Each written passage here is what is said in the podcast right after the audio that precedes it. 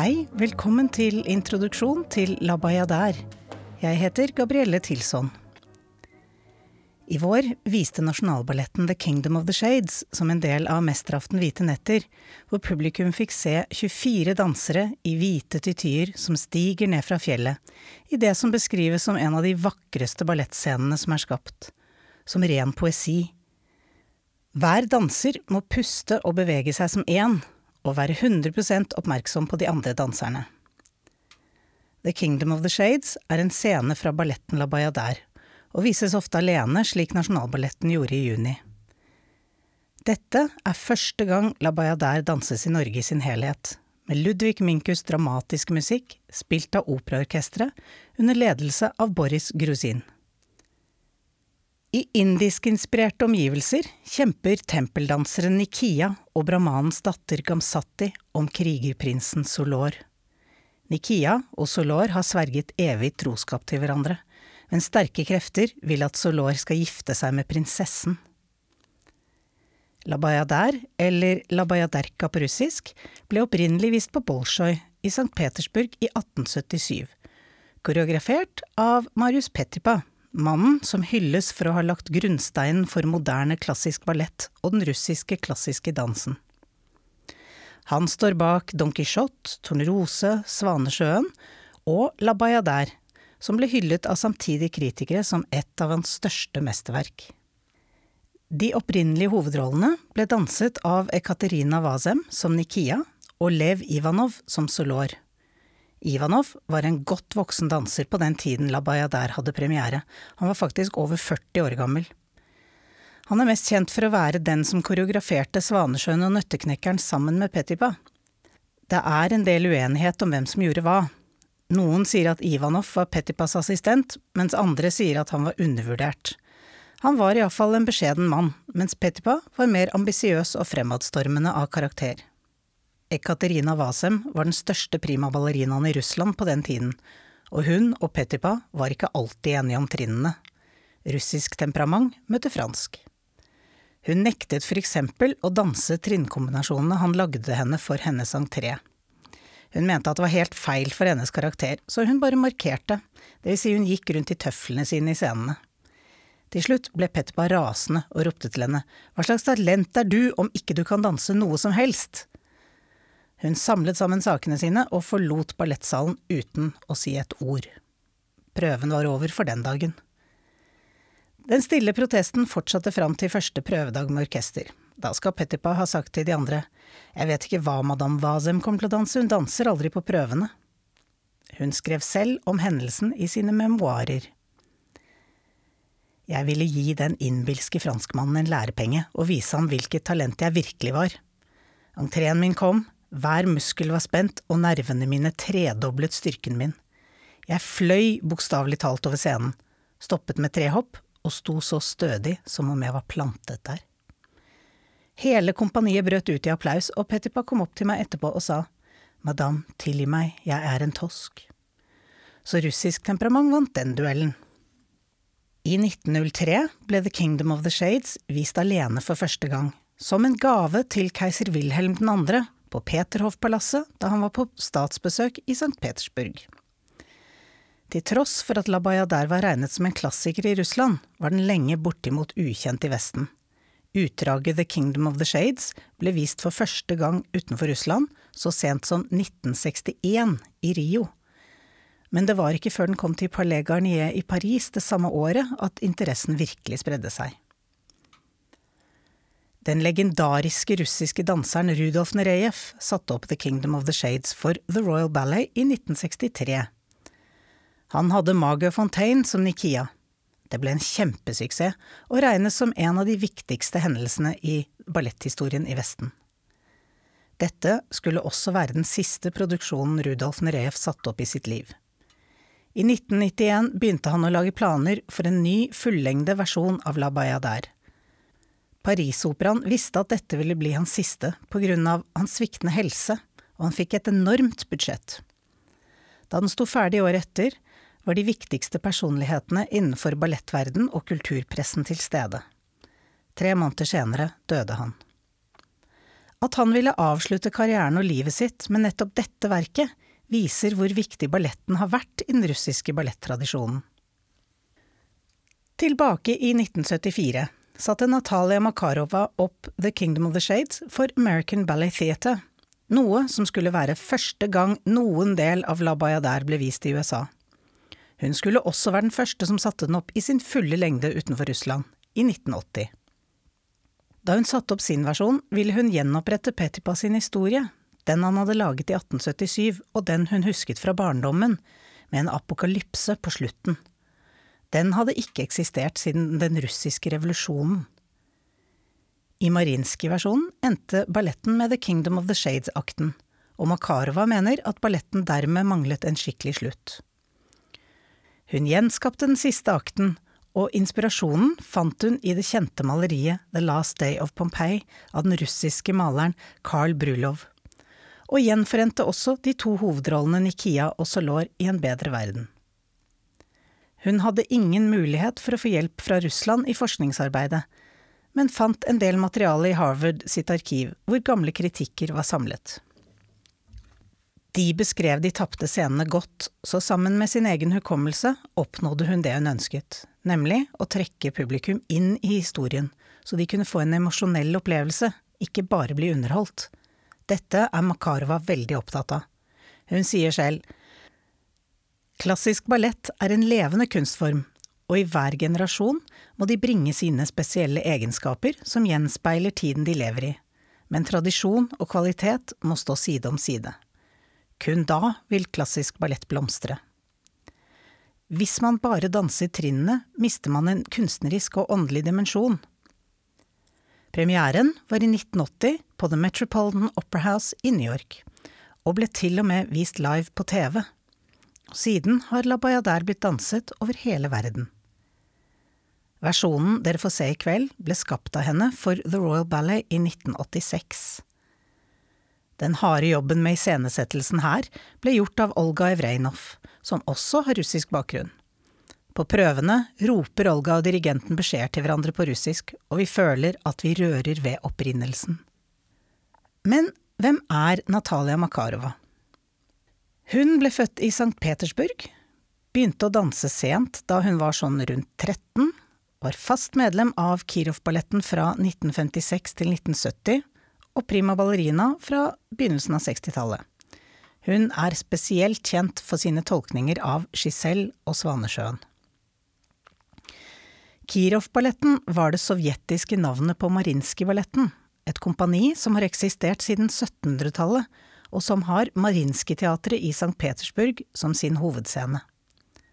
Kompaniet er verdenskjent for sin kvalitet, men utover 1960- og 70-årene ble det i Vesten mest omtalt for alle stjernene som forlot det.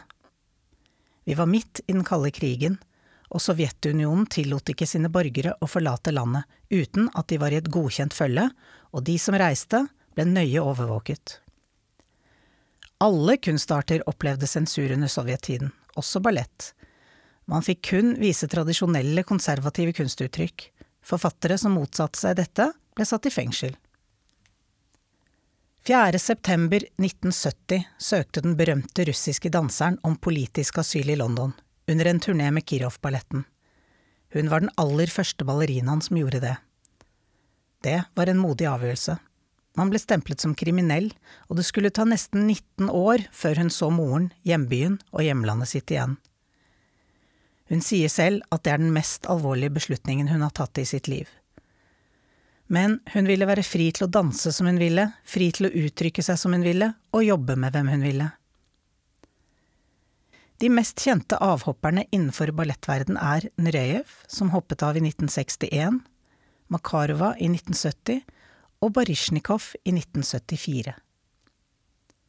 Avhopperne fra Sovjet skulle tilføre Vestens koreografer og dansere nye muligheter for uttrykk.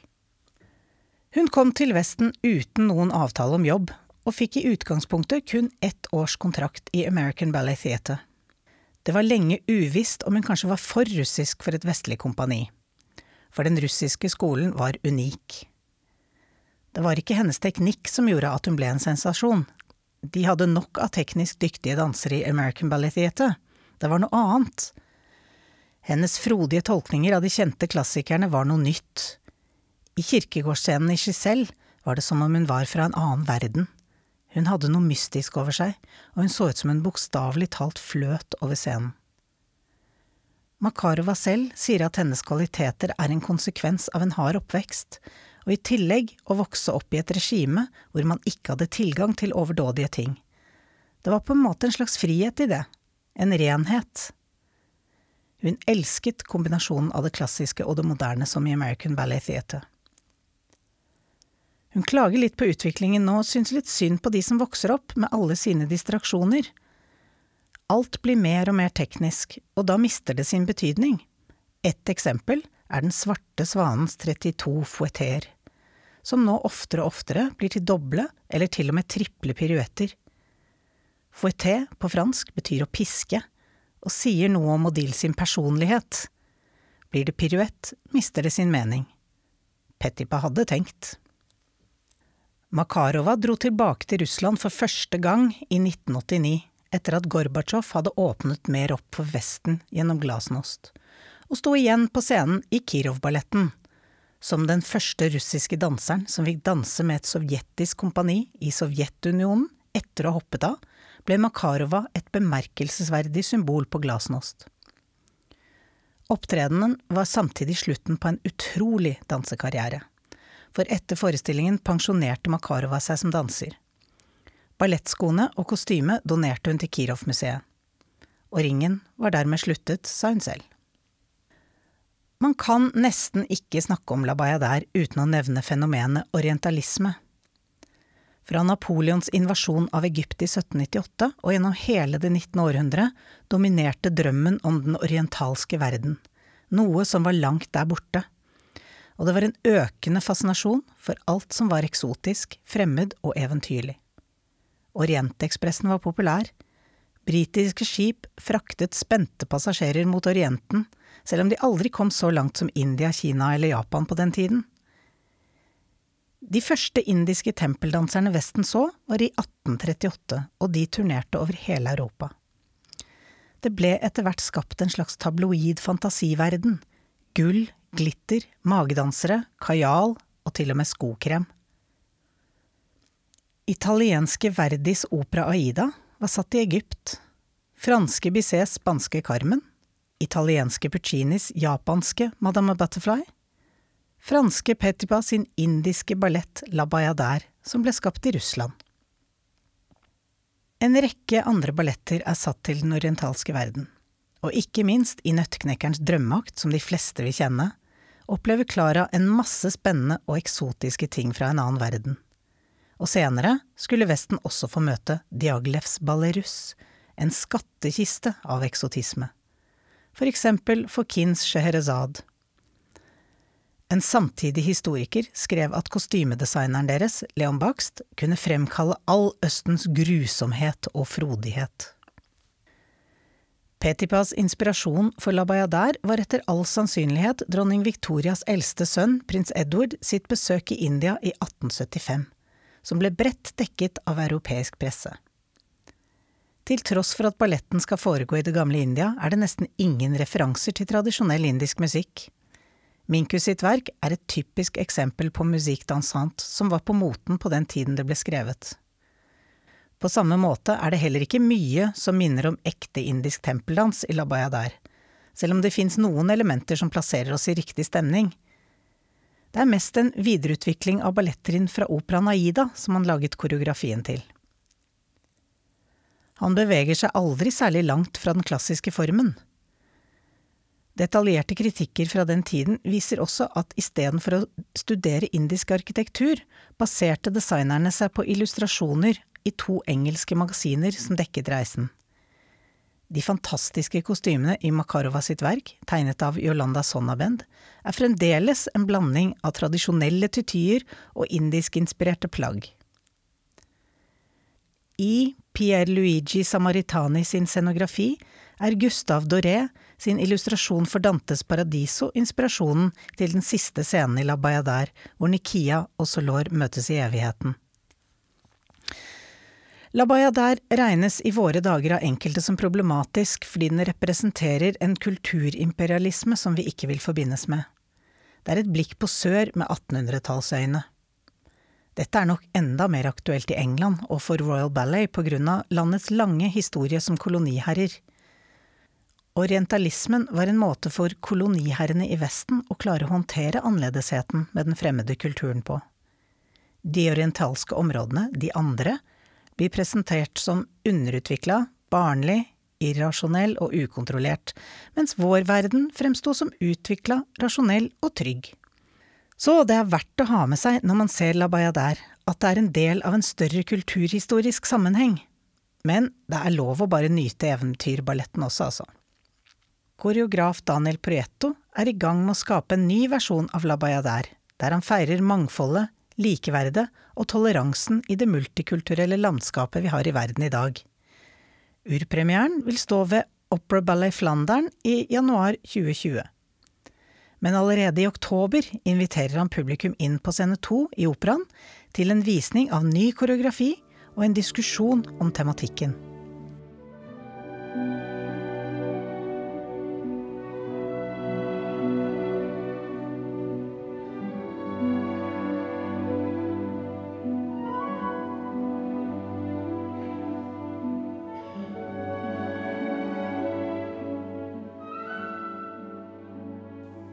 La Bayadère betyr tempeldanseren og kommer av balar på portugisisk, som er å danse.